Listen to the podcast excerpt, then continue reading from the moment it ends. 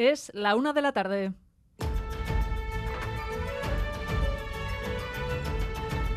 Crónica de Euskadi con Irache Ruiz. El resultado de la votación ha sido el siguiente. Votos emitidos 350. 178 a favor de doña Francina Armengol Sofía. A Rachaldeón, ¿qué tal? La socialista Francina Armengol ya es la tercera autoridad del Estado. La mayoría absoluta del Congreso de los Diputados ha avalado su candidatura, a la que se han sumado a última hora los siete diputados de Junts, que era la incógnita a despejar. A esta hora se siguen votando todos los puestos de la mesa del Congreso, una mesa con mayoría plurinacional y que ha bloqueado la mayoría de derechas, pero ha contribuido el hecho de que Vox no esté votando a los candidatos de Núñez Feijóo. Madrid, César Baza, adelante.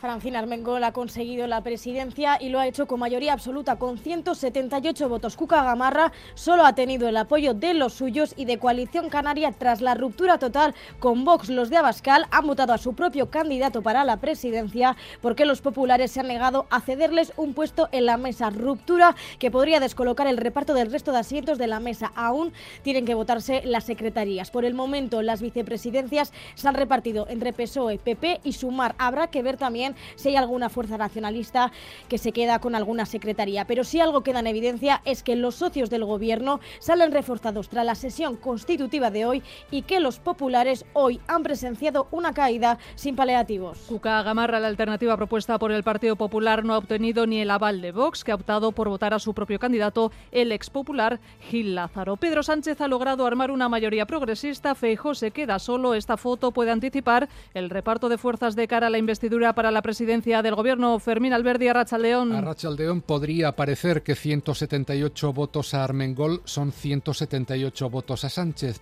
pero no es exactamente así. El rey Felipe recibe mañana a la nueva presidenta del Congreso y arranca sus consultas. Él decidirá con su criterio cuál de los aspirantes tiene más apoyos.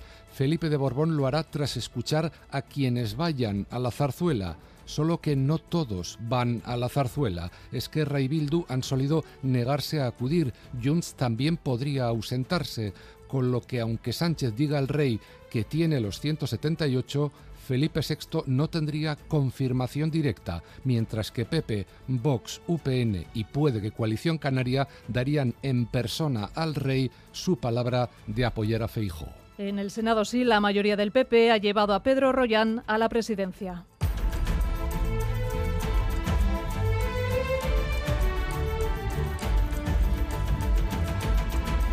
Y María Chivite ya ha prometido el cargo de presidenta de Navarra en una sesión con amplia representación institucional. Aritz Aguirre.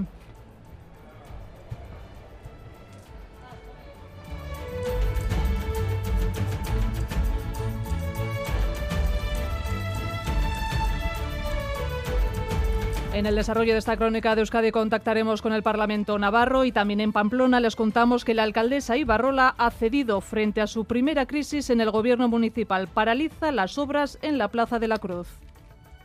Tomar la decisión de suspender esta actuación. Vamos a seguir escuchando atentamente a la gente de esta zona y buscaremos el apoyo vecinal y el apoyo político para reurbanizar la Plaza de la Cruz y para solucionar el problema de aparcamiento en esta zona que sabemos que existe.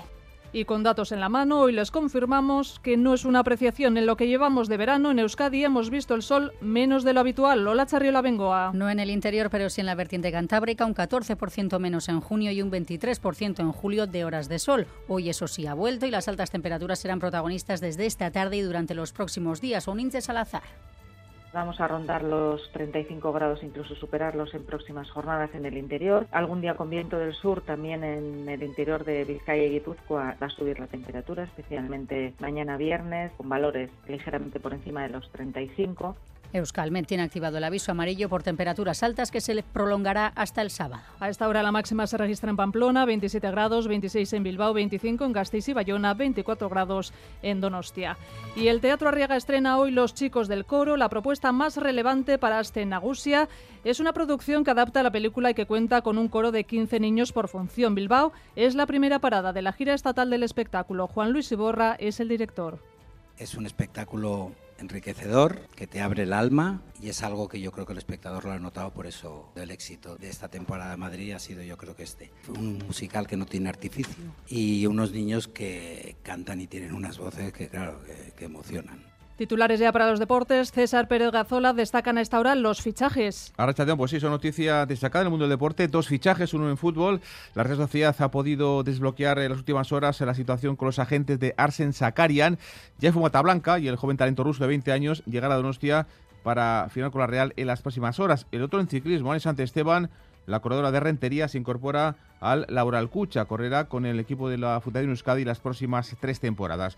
En pelota hoy comienza la cuarta jornada del Master CaixaBank con el partido que va a jugar que van a jugar esta noche Iker Larrazábal y Zabaleta frente a Jonan Peña y Rezusta y también cita esta tarde con el campeonato individual de remonte.